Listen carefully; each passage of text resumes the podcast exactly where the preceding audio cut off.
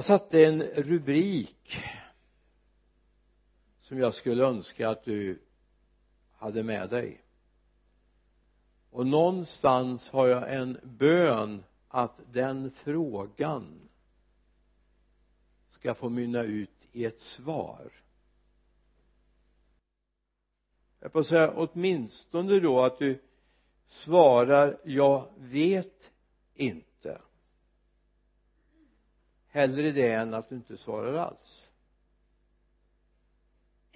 Ni vet att när man får sådana här frågealternativ så så kan det vara då att man ser det positivt eller negativt men så finns alltid en svarskolumn också vet ej.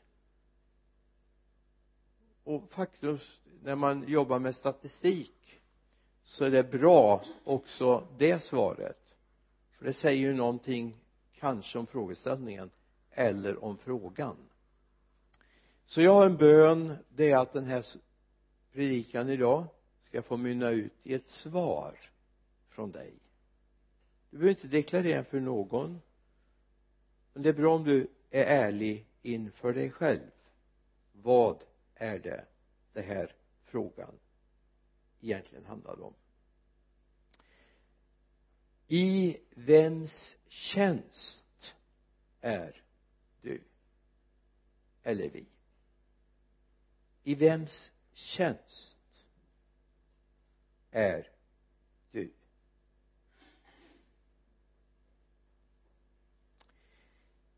I romarbrevets sjätte kapitel ska vi läsa verserna 16, 17 och 18 romarbrevet 6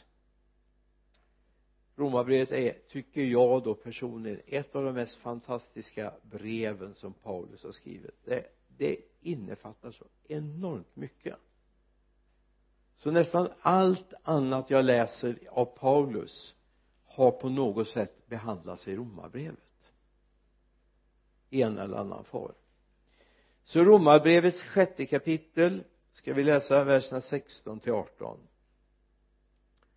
vet ni inte. Att om ni gör er till slavar under någon och lyder honom då är ni hans slavar och det är honom ni lyder antingen under synden vilket leder till död eller under lydnaden vilket leder till rättfärdighet. Alltså rättfärdighet det är Guds godkännande inför evigheten men Gud var tack. Ni var syndens slavar alltså som skulle föranleda döden. Men har nu av hjärtat blivit lydiga mot den lära som ni blivit överlämnade åt. Nu är ni slavar under rättfärdigheten sedan ni har befriats från synd alltså vi älskar ju inte uttrycket slav. Vi tycker det låter fruktansvärt. Men det används faktiskt ett ord som heter doulos i den grekiska texten som faktiskt betyder att vara lejd av någon insatt i tjänst av någon. Slav alltså.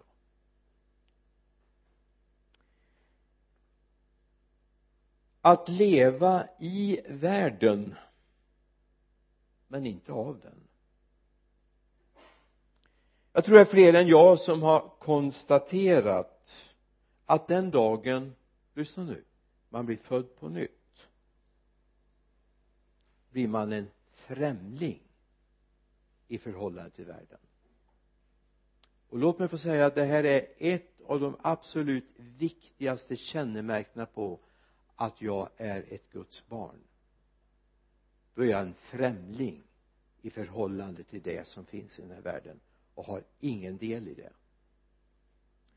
Därför han har fört mig ut ur världen när han födde mig på nytt och insatt mig i sin älskade sons rike alltså i Guds rike, Guds sons rike. Vi är insatta i en ny värld och det här är ett kännemärke.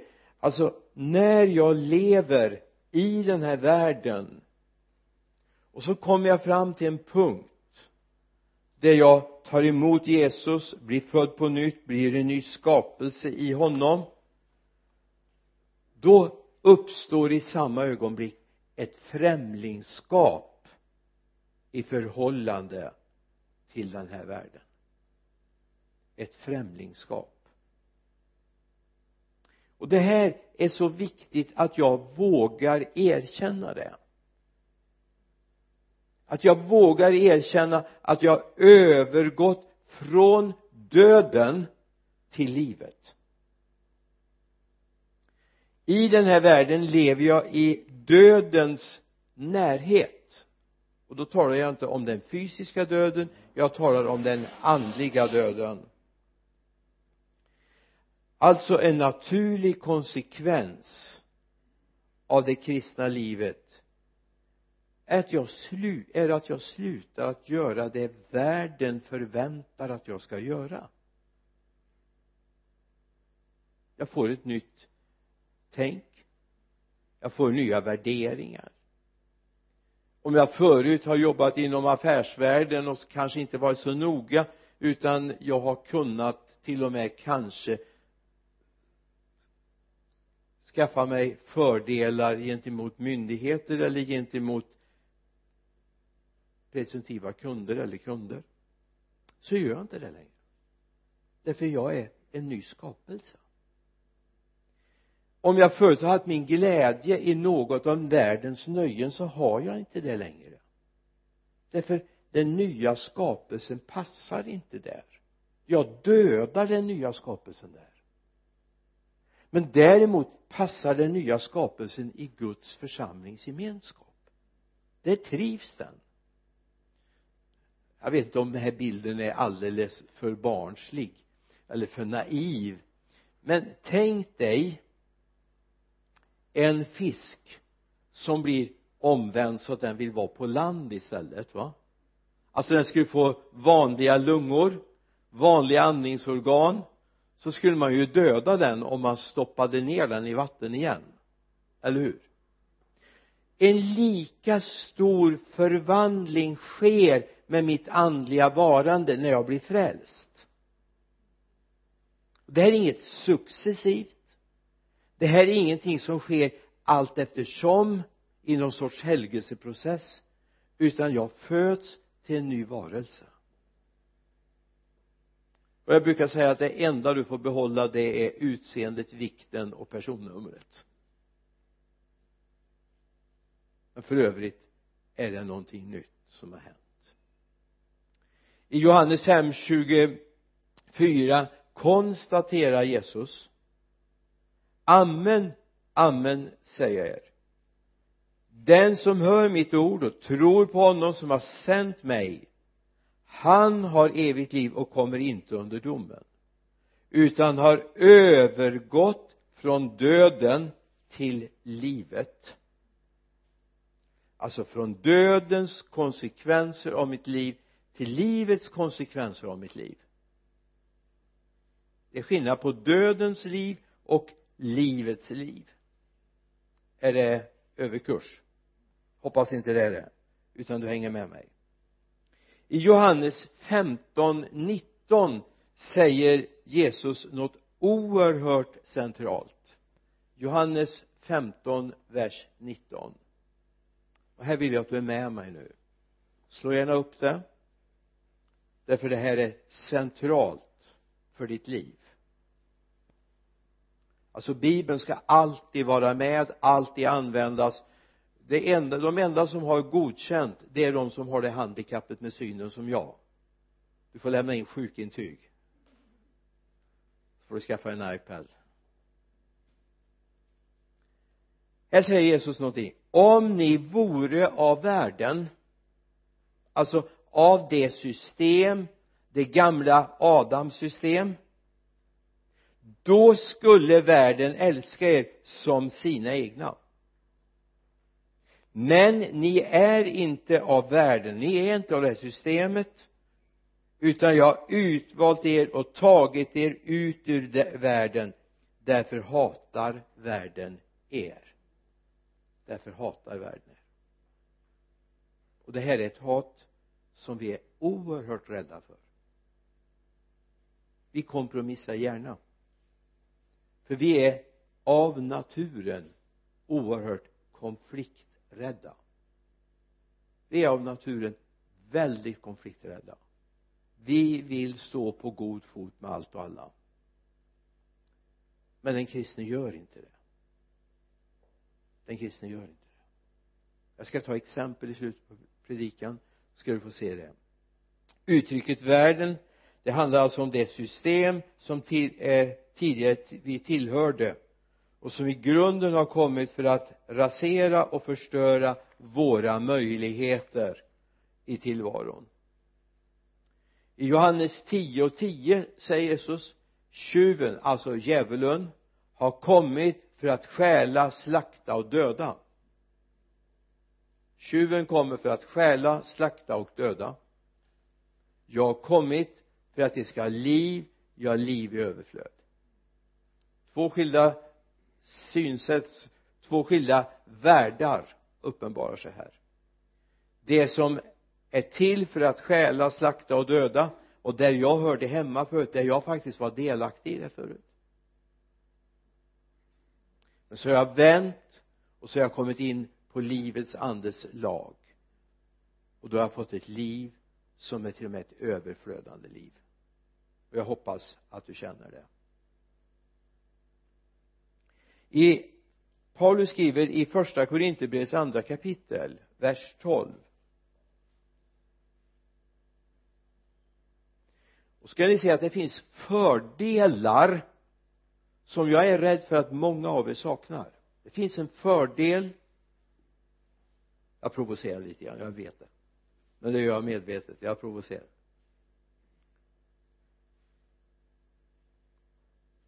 Då står jag så här men vi har inte fått världens ande utan den ande som är från Gud. Varför då? Jo för att vi ska veta vad vi har fått av Gud. Du ska inte behöva vakna på morgonen och vara omedveten om all den rikedom, all den välsignelse, all den, all den glädje, all den framtidstro som Gud faktiskt har bestämt att ge till dig. Gud, Gud har liksom tänkt ösa välsignelser över dig idag. Men då kan vi inte gömma oss bakom en massa andra saker och syssla med annat utan då handlar det om att vara fokuserad på vad Gud vill ge. Vi har alltså fått den ande som är av Gud. Förut hade vi den ande alltså det finns ingen människa som kan leva utan ande det finns ingen människa som kan leva utan sin ande. Alltså det skulle vara att säga att jag har ingen personlighet. Jag har ingen inget liv. Jag bara existerar. Jag har bara en massa känslor men jag har ingen stabil grund för mitt liv. Då skulle du kunna ha en identitet idag och en imorgon och en ny nästa dag för jag vet inte vem jag är men Gud har faktiskt gett oss en ande som är vår personlighet som talar om för mig vem jag är. Det är inte ditt själsliv allt för många lever med det att själslivet får bestämma vem jag är. Känslorna får bestämma vem jag är. Är jag up då är jag väldigt glad. Är jag down så vill jag helst inte leva men där, där har inte Gud sagt att vi ska vara. Vi ska inte stå i vårt själsliv. Vi ska stå i den ande som är av Gud. Alltså vi har fått den ande som är av Gud. Sen finns det inte alla människor kan inte säga att jag har fått min ande av Gud. Det finns en mängd människor som faktiskt har fått sin ande av djävulen. Yes. Nu ska vi tala klarspråk idag det finns en mängd människor till och med bekännande kristna som inte har fått en ande av Gud. Vilket inte vet, de vet inte vad Gud har tänkt ge dem. De vet inte att de är rika. De vet inte vad de ska göra av sin dag och sitt liv.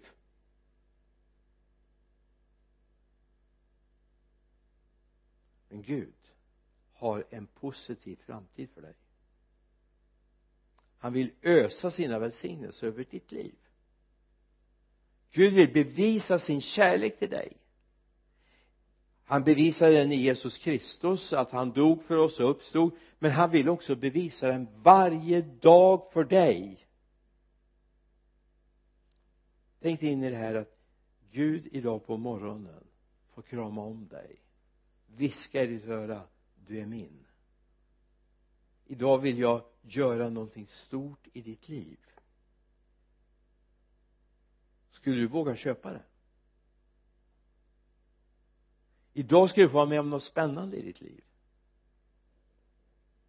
Alltså Gud har så mycket i beredskap.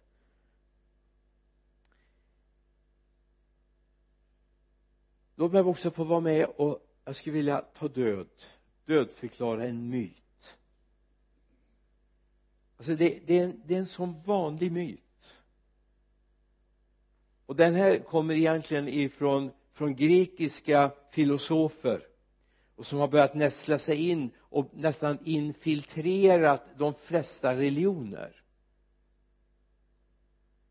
Nu ska jag inte ha filosofi med oss här men det är myten om en neutral tillvaro.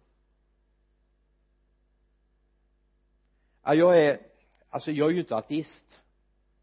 Nej. Men jag är ju inte eh, troende på Gud heller utan jag är någonstans mitt emellan.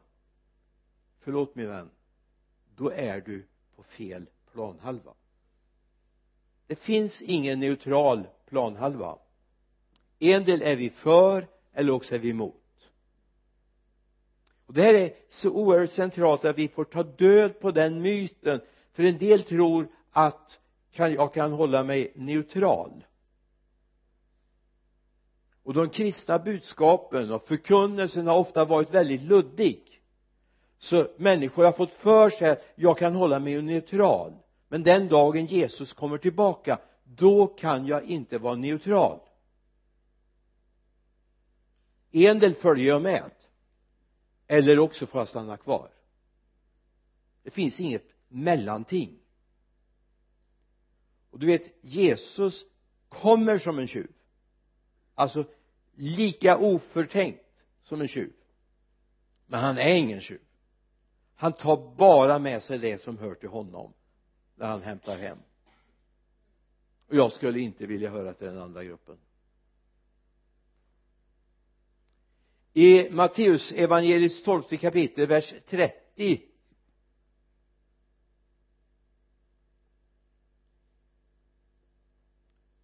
jag skulle önska att ni har biblarna med nu för det här är så oerhört centralt alltså. Och det här ska du stå till svars för en dag det jag delar idag.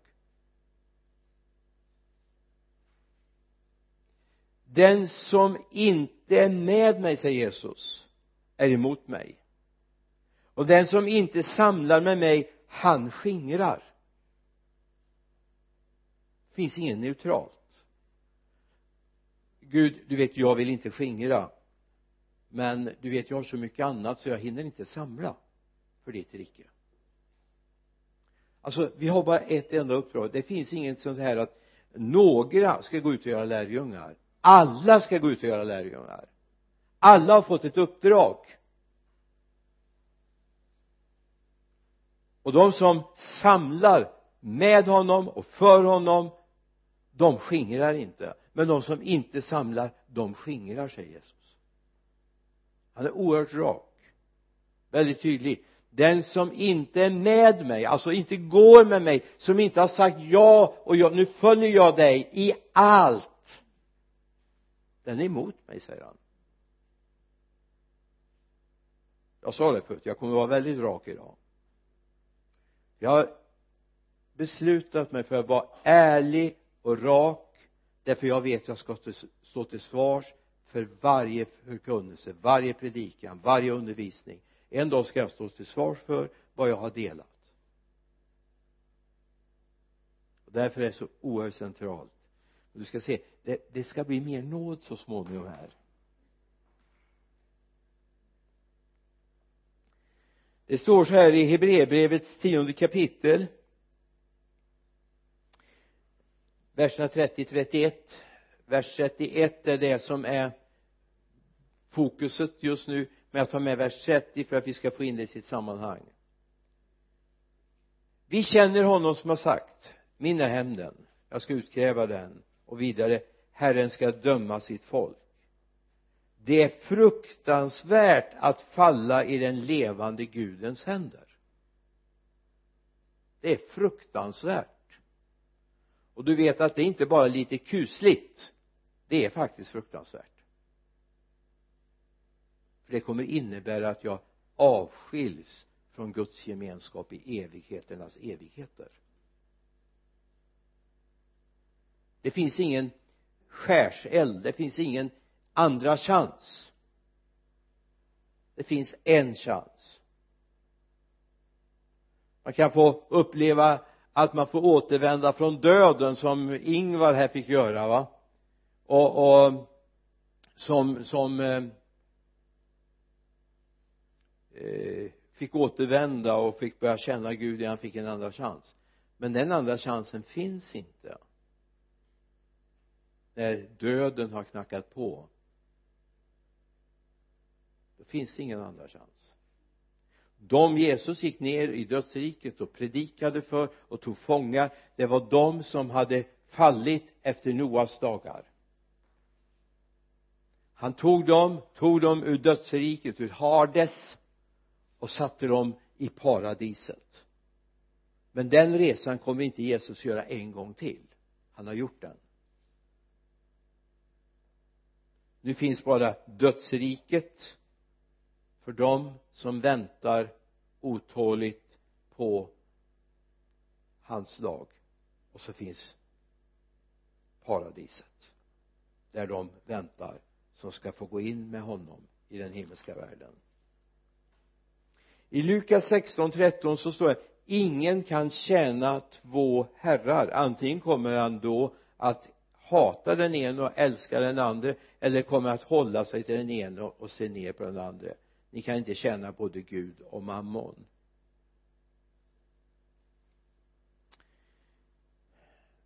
Tänk dig in alltså jag skulle kunna gå igenom också vad det här ordet mammon står för.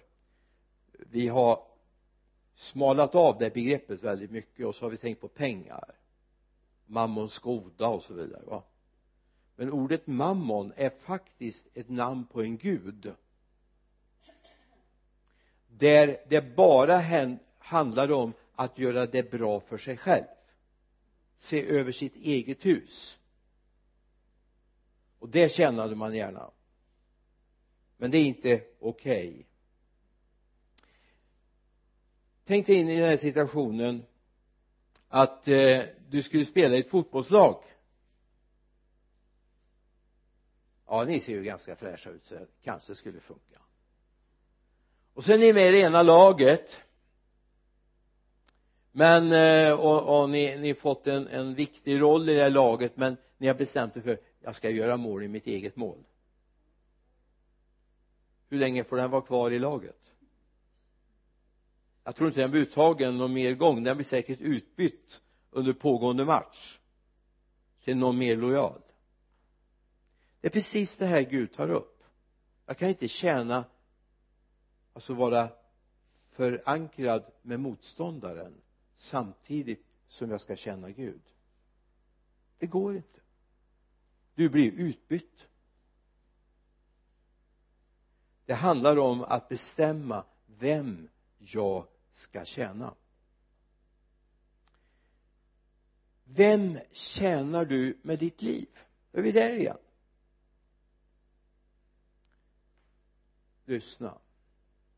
Du är inte utsatt för en komplott. Du styr ditt liv själv.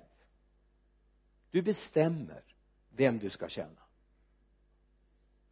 Det är inte omständigheterna, det är inte tillfälligheterna. Och då säger en del, ja men de, alla de som är uppvuxna nu i de kommunistiska länderna borta i öst eller i de muslimska länderna har de någon chans? Eller i de hinduistiska eller buddhistiska länderna? Ja de har också en chans.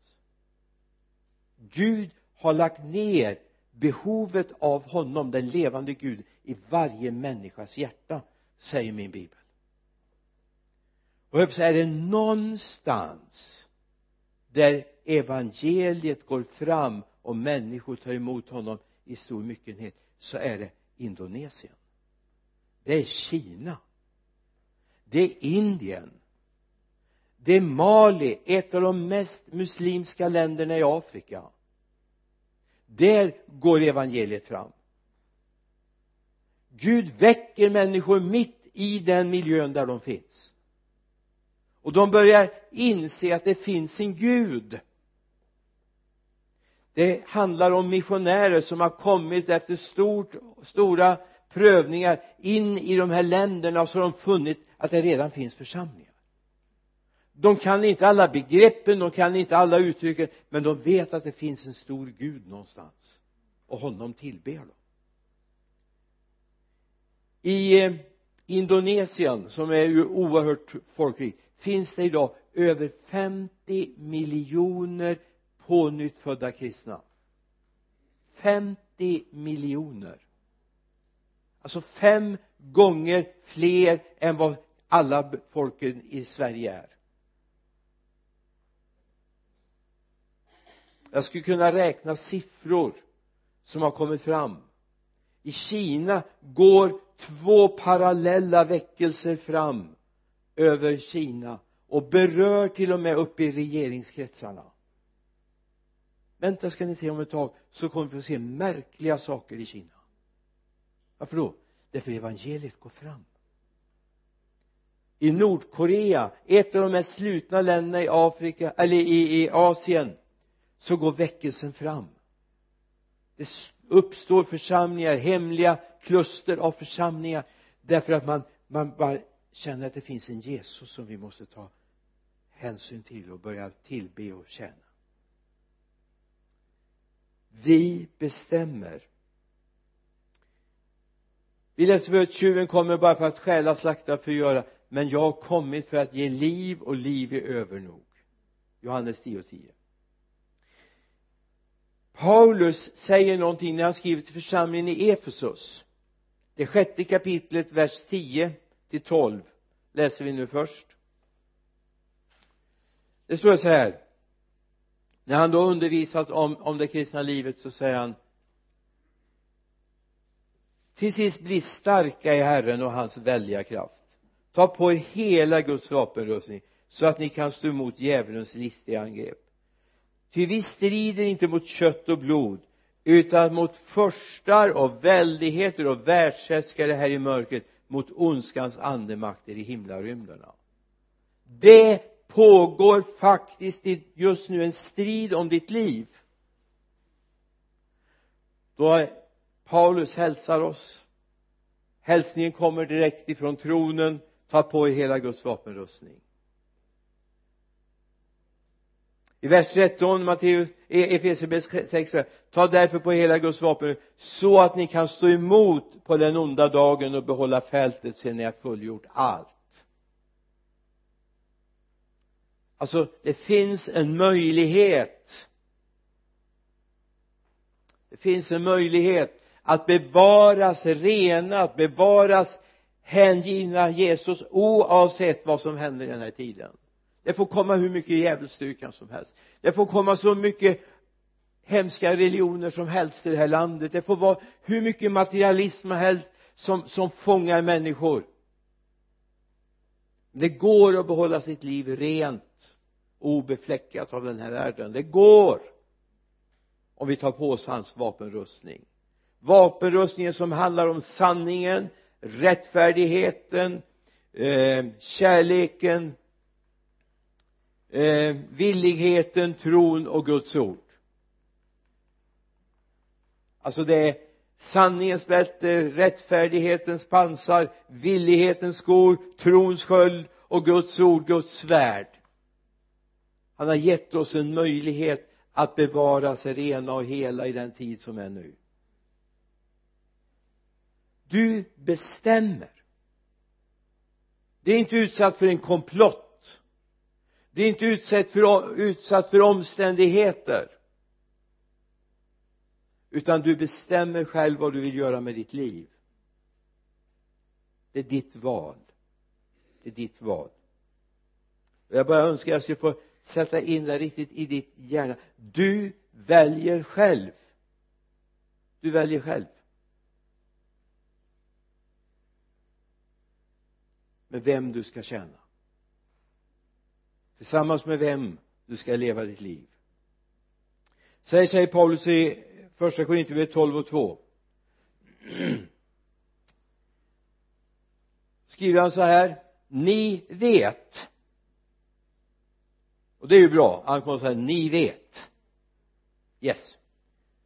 Att när ni var hedningar drogs ni oemotståndligt till de stumma avgudarna ni vet att när ni var hedningar så drogs ni oemotståndligt åt de stumma avgudarna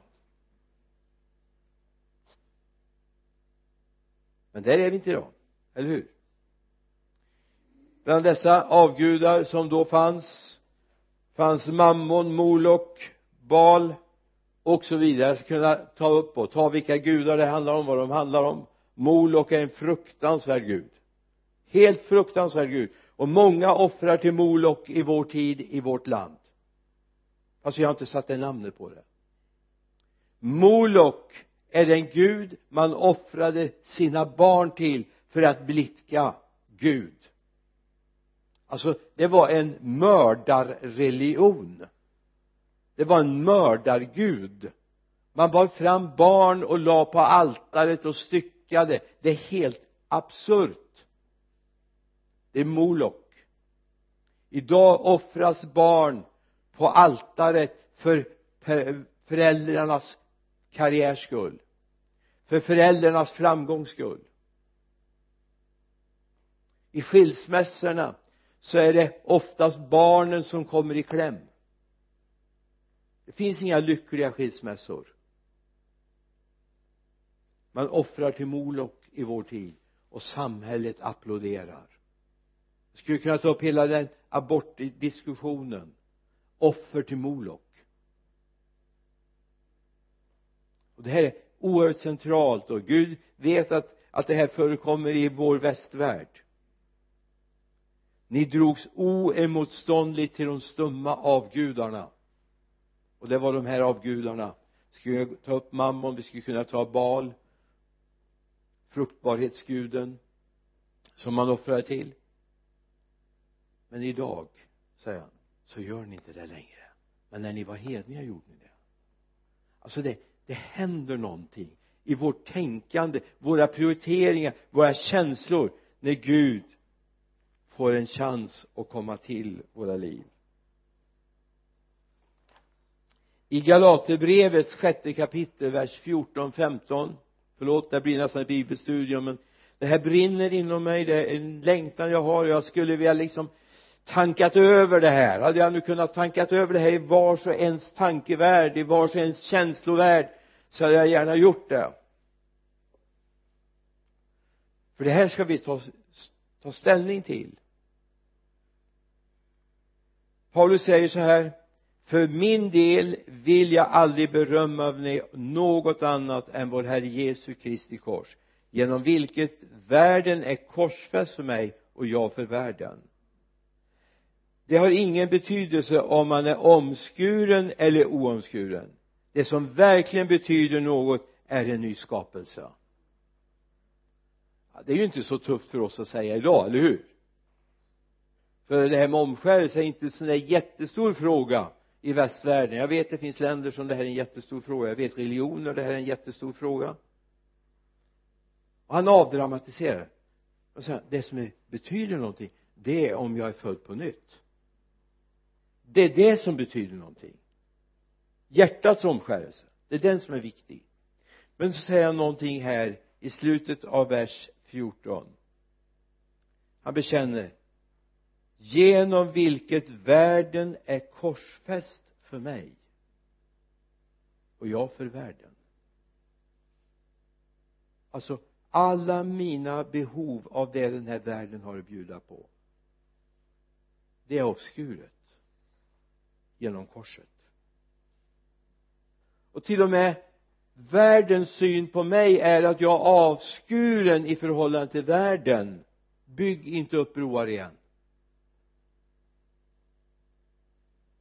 Bygg inte upp broar igen. Du kan leva oberoende av den här världen faktiskt. Av framförallt systemen i den här världen. Den dagen jag tog emot Jesus personligen så hade jag haft, jag har faktiskt haft ett liv som har hört den här världen till.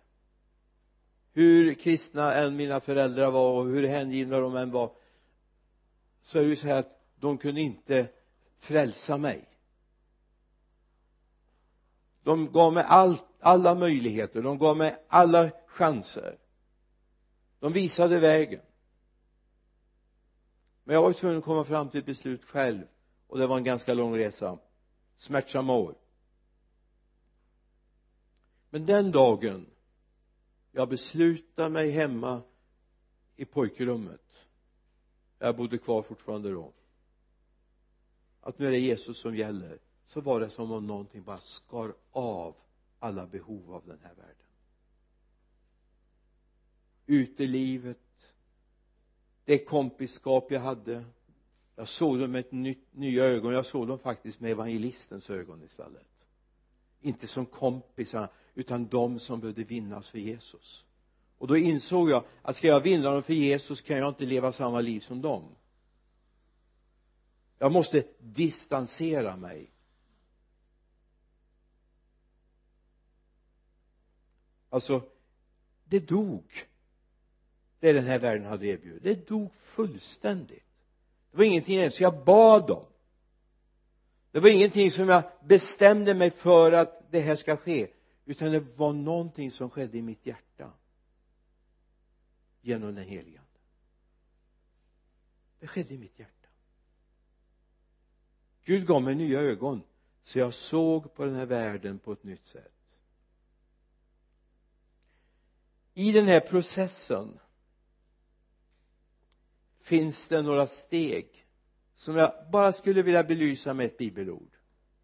Vi har det i Jakobs brevs fjärde kapitel vers 68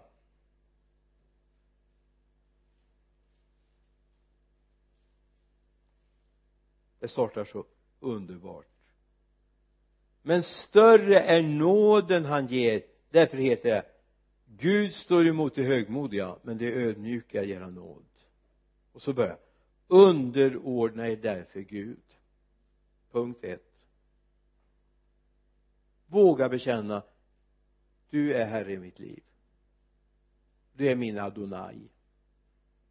Du är min rättmätige ägare. Adonai är alltså ett av de ord som används i gamla testamentet för att översätta Herren. Gud.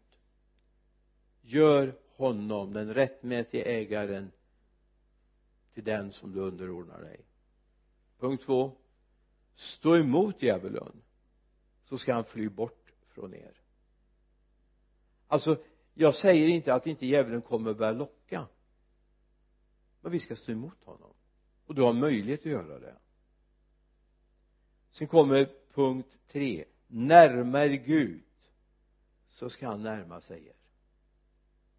Sök dig närmare Gud och han kommer att komma dig till mötes. Punkt fyra. Gör era händer rena ni syndare rena era hjärtan ni tvehågsna. Det är en process. Rena era händer. Rena ert hjärta. Låt Jesu blod få skölja genom ditt liv och du kommer vara ny med ny längtan med nya möjligheter. Du kan alltså ta beslut om vem du ska tjäna. Du kan ta beslut. Du har det i din hand. Ingen annan kan besluta för dig. Du kan få besluta. Ta kontroll över ditt liv. Hälsningen från Gud är idag tag kontroll över ditt liv.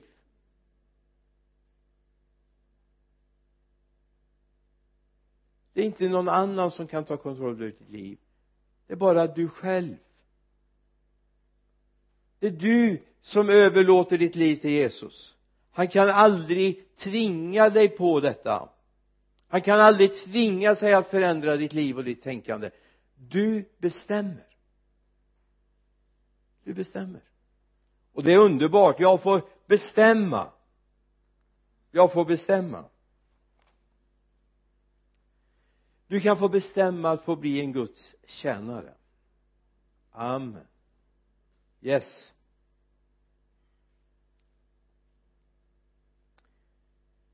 Jag skulle önska att du kommer fram till det beslutet. Helst skulle du naturligtvis önska att du inte kom fram till det här vet ej. Svaret men, men det kan faktiskt säga mer än att inte säga någonting. Frågan är under beredning. Eller hur? Du kan besluta dig för idag. Vem ska bestämma över mitt liv? Vem, vem ska jag tjäna med mitt liv? Vem ska jag bli slav under? Jag vet att ordet slav är oerhört negativt belastat. Jag, jag vet det om du hellre då skulle vilja säga en livegen tjänare så gärna för mig då. Josua som eh, får ta över manteln för eh, Israels folk efter Mose. Han är ju en av de spejare som får gå in i landet. Det är ju tolv spejare som går in i landet cirka 40 år innan man får gå in över gränsen det är två som har en annan ande än de andra tio. Det är Kaleb och det är Josua. De hade bara en enda lösning. Med oss är Herren. Josua får ta över detta bångstyriga folk. När man väl då 40 år senare får gå över Jordan och gå in i landet och det är Josua sen brottas han under hela sin tid med detta folk när de intar landet. Var ort där er fot beträder ska bli er och så vidare. Och de går från plats till plats. De får gå, uppleva framgång och de får uppleva besvikelser framgång när Jerikos murar föll och den mindre befästa staden Ai som ligger strax eh, utanför eh, Jeriko den gick man bet på därför det fanns synd ibland folket. När vi kommer till Josua 24 då har han nästan lagt ner hela sitt liv på det här folket. Vers 15 så kommer han till ett ställe där han är tvungen att ställa dem inför det här som jag ställer dig inför idag. Men om ni inte vill tjäna Herren så välj idag vem ni vill tjäna antingen de gudar som era fäder tjänade där de bodde på andra sidan floden eller de gudar som dyrkas av amoréerna i vilkas land ni själva bor. Men jag och mitt hus vi vill tjäna Herren. Det här säger mig någonting att de faktiskt han har valt med sin familj att tjäna någonting som inte hörde till massan. Det, det var inte så att nu har vi tagit ett beslut, ett majoritetsbeslut och alla andra ska tjäna tjäna Gud, då, då väljer vi det också. Han valde mot strömmen. Okej, okay, ni kan göra vad ni vill men jag och mitt hus, vi vill tjäna Herren. Var det inte det här vi läste i Romarbrevet 6, 16 nu är vi tillbaka där vet ni inte att om ni gör er till slavar under någon och lyder honom då är ni hans slavar och det är honom ni lyder. Antingen under synden vilket leder till död eller under lydnaden vilket leder till rättfärdighet. Men Gud vare tack. Ni var syndens slavar. Men har nu av hjärtat blivit lydiga mot den lära som ni, ni blivit överlämnade åt nu är ni slavar under rättfärdigheten sedan ni har befriats från Gud. Från synden ja. Precis. Det är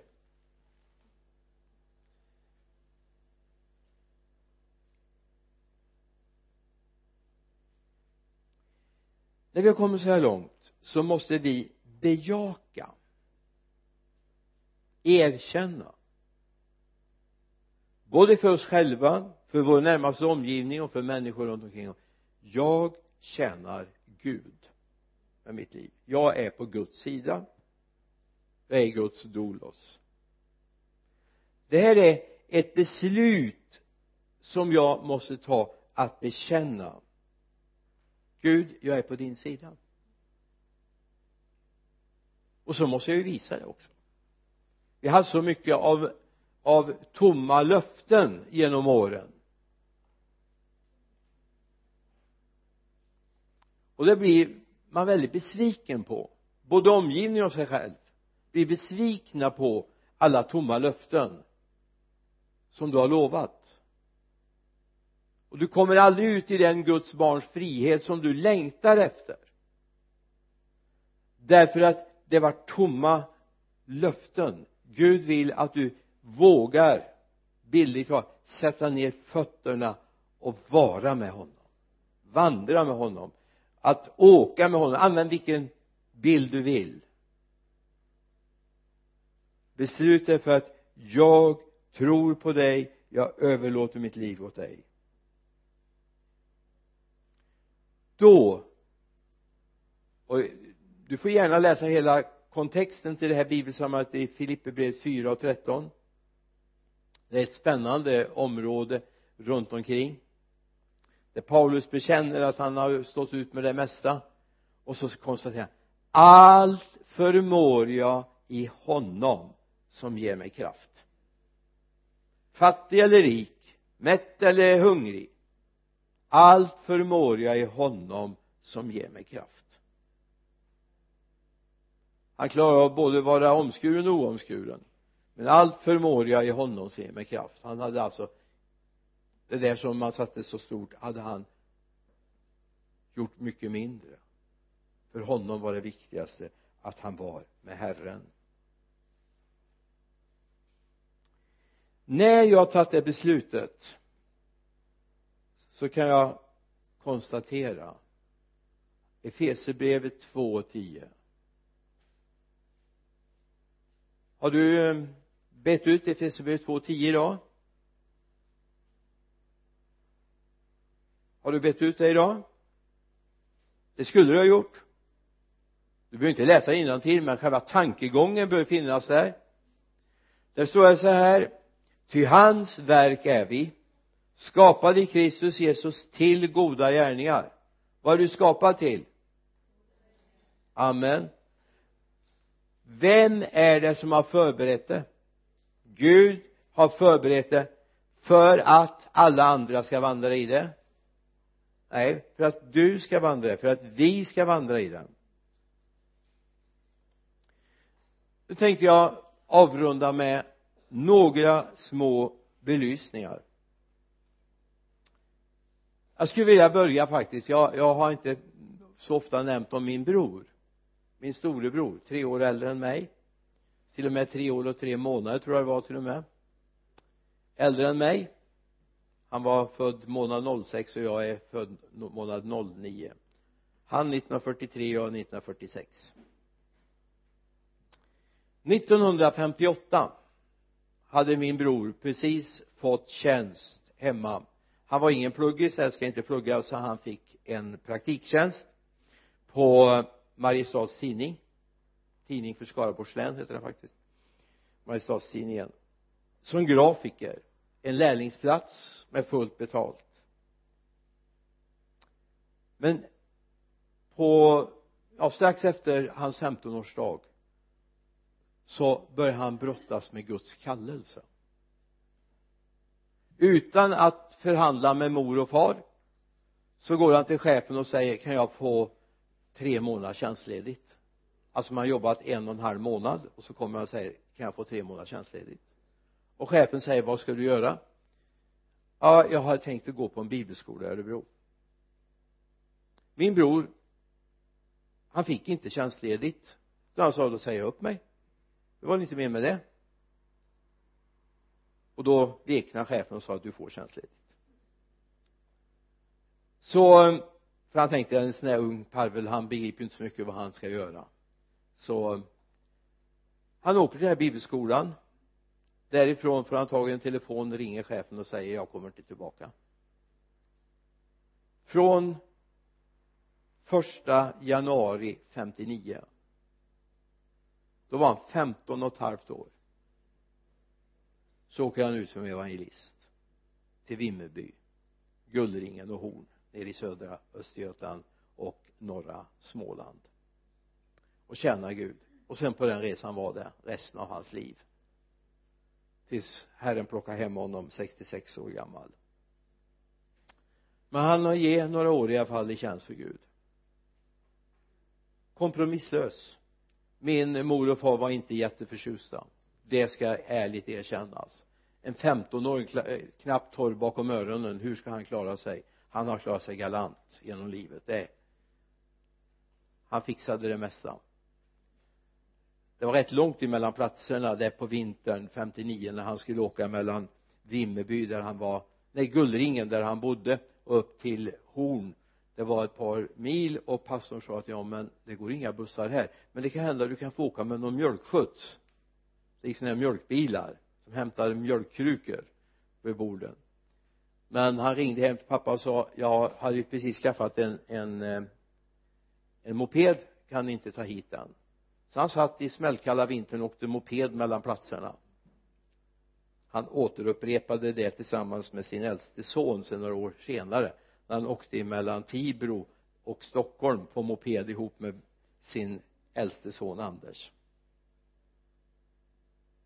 Alltså man kan veta väldigt tidigt vad Gud vill.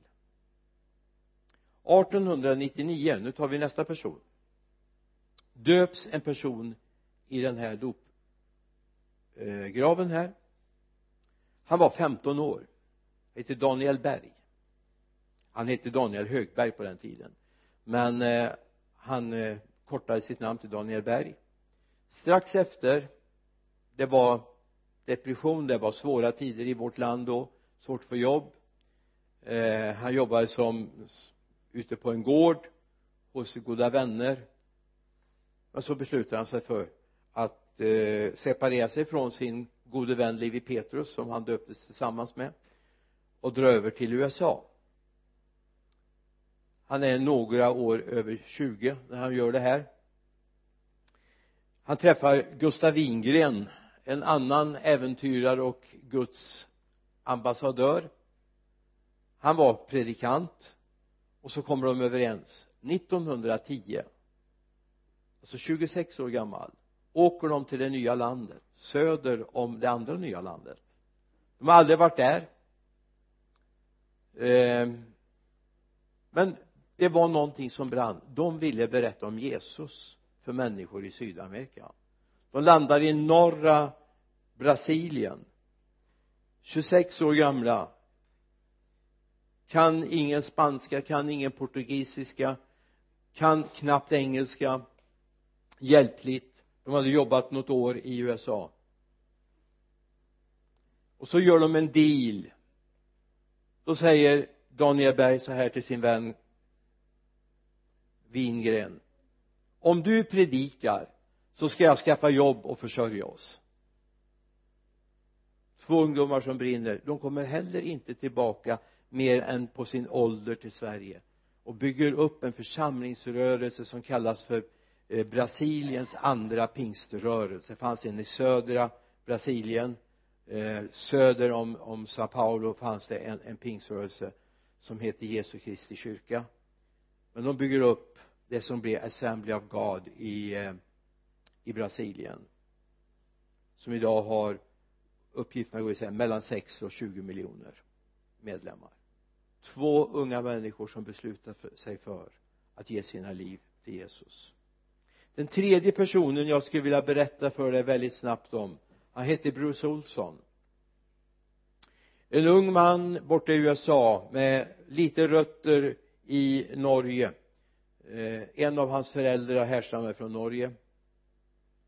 Han har aldrig då ditintills då varit i, i Norge men han hade lite rötter i Norge den här Bruce.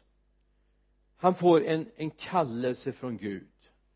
Gud visar honom ett land i Sydamerika som heter Colombia. Gud visar honom en indianstam som knappt colombianerna visste det fanns. Han fick namnet på den här indianstammen. Och Gud sa dit ska du åka. Det var ingen lastgammal man heller. Han var 19 år. Med Guds kallelse. Han har inte kommit ur Colombias djungel än. Han lever Motilon tillsammans med Motilon indianerna han har gett dem en bibel han har gett dem Guds ord han har fått se de första bli frälsta och församlingar börja bildas i den här indianstammen. Därför har de beslutat sig för att det är han som bestämmer över mitt liv. Nu kommer frågan och du då vad får han bestämma över ditt liv? Vad vill han med ditt liv? Ja det är frågan.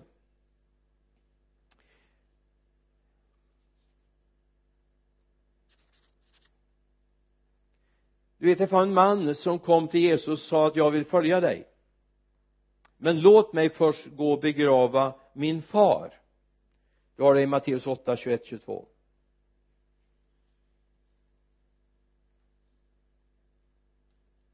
och då säger Jesus någonting som många har studsat för. Då säger han att låt de döda begrava sina döda.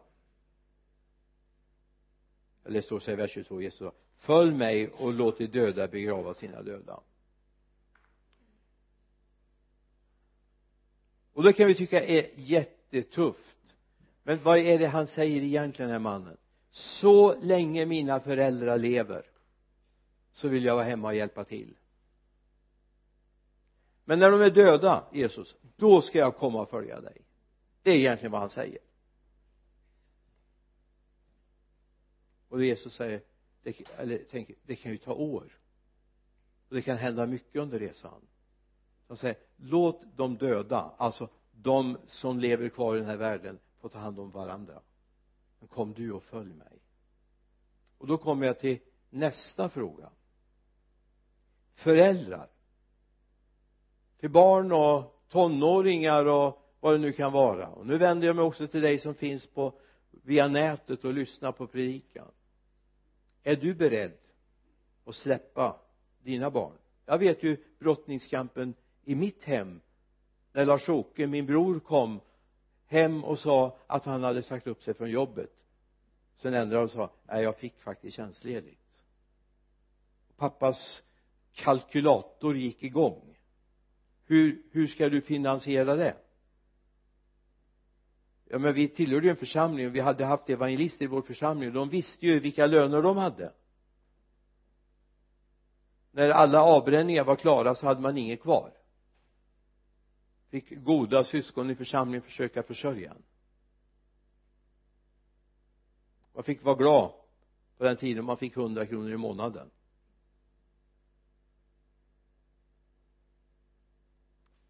Eller när jag själv berättar för mina föräldrar. När kallelsen har drabbat mig några år senare. Då var de inte glada. Min pappa var så besviken på mig så jag fick inte komma hem på några månader. Jag fick åka och hämta mina grejer. Sen försonades vi och vi hade en jättefin relation de sista åren min pappa levde men jag förstår hans besvikelse. Han har byggt upp ett jätteföretag med många anställda. Han hade förväntat sig att någon av sönerna skulle ta över det här och det skulle få gå vidare i arv. Ja men det är inte alls svårt. Jag, jag fäller ingen dom. Men jag vet vad mitt hjärta brände av. Skulle jag vara lydig mina föräldrar eller skulle jag vara lydig Gud? Och till sist vi som församling. Jag är så lycklig. Jag är uppvuxen i en församling som har välsignat det här landet och världen med evangelister, missionärer, pastorer, predikanter. En generositet. Gud hjälp att vi kan vara det också. Om någon kommer och säger Gud har sagt att jag ska dra iväg. Och så går vår kalkylator igång. Och så börjar vi se allt det den här personen skulle kunna göra för Guds rike här och ta över.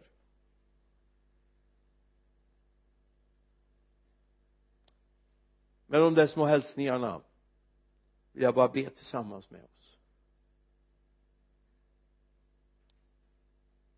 Du har ett val. Vem vill du tjäna? Från nu och resten av ditt liv. Vems tjänst står du? I utbildning, i jobb. Vems tjänst står du egentligen?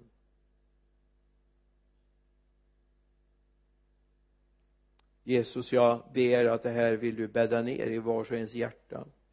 Jag skulle vilja Jesus att det här får landa att vi inte kan skaka av oss det här.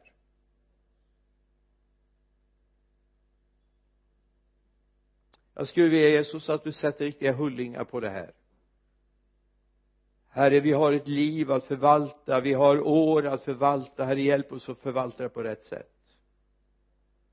Herre en dag vill vi stå tillsammans med dig inför tronen och vi vill få jubla i glädje inför ditt ansikte. Därför vi har vandrat med dig.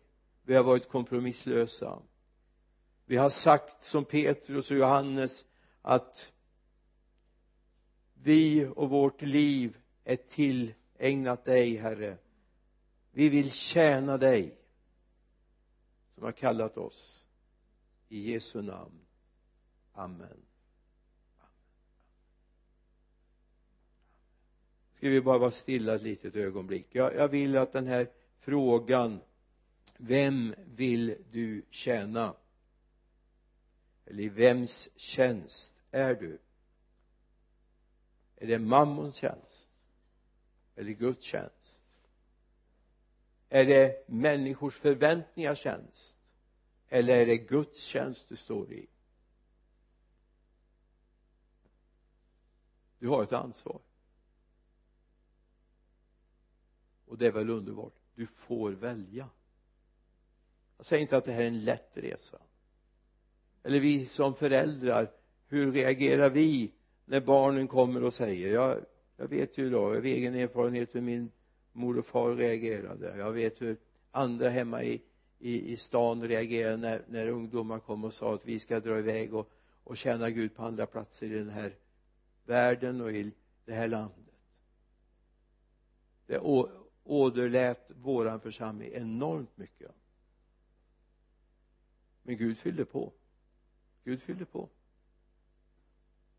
och sen fick de komma hem och så fick de berätta det här gör Gud i Afrika det här gör Gud i Asien det här gör Gud på andra platser i vårt land.